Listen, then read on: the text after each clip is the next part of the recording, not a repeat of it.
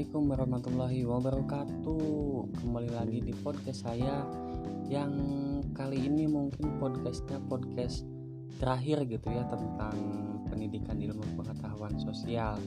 Karena ya kali ini saya akan menanggapi eh, podcast atas penyampaian materi yang telah disampaikan oleh kelompok 21 Yang mana kelompok 21 ini kelompok terakhir gitu ya dalam eh, di mata kuliah pendidikan ilmu pengetahuan sosial ini.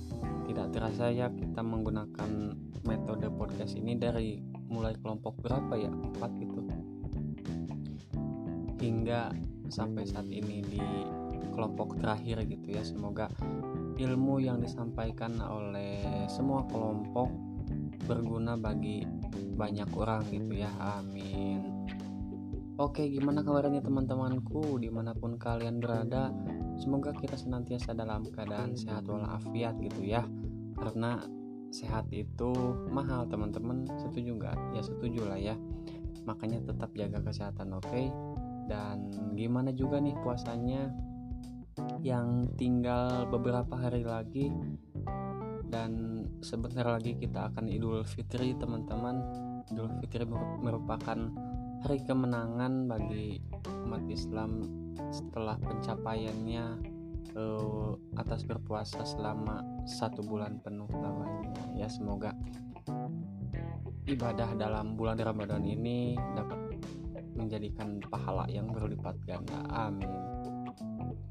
Baik dalam podcast ini saya akan menanggapi penyampaian materi yang telah disampaikan oleh kelompok 21 yang beranggotakan Teddy Eza Mulyadi dan Ajeng Adila ya Perkenalkan nama saya Muhammad Nasul Rojab dengan NIM 1908246 dari kelompok 17 ya mata kuliah pendidikan ilmu pengetahuan sosial.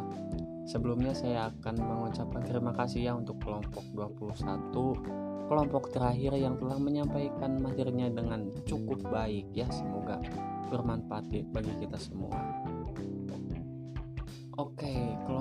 21 ini membahas judul bab yang berjudul Mendukung Praktek Politik Pengajaran Sosial di Seberang Pendidikan Kontinuum Guru gitu.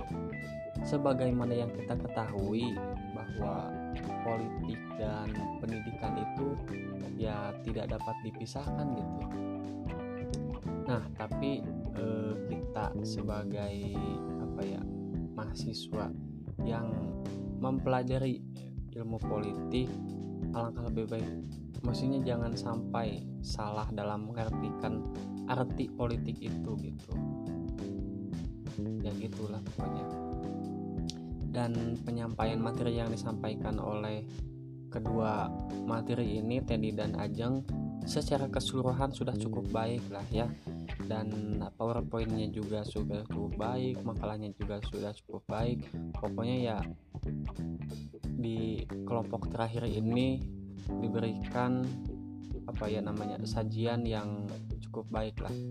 Sehingga kita dapat memahami apa yang disampaikan oleh kelompok 17 oke mungkin cukup sekian yang dapat saya sampaikan. Mohon maaf bila ada salah kata. Wassalamualaikum warahmatullahi wabarakatuh.